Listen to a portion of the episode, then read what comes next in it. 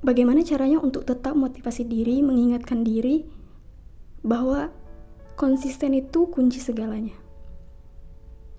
Di satu hari, aku dapat mengingat perkataan sang motivator. Di satu hari, aku bisa mengingat kisah perjuangan sang tokoh. Jika aku mengingatnya lagi, aku takjub pada mereka. Sungguh luar biasa perjuangannya.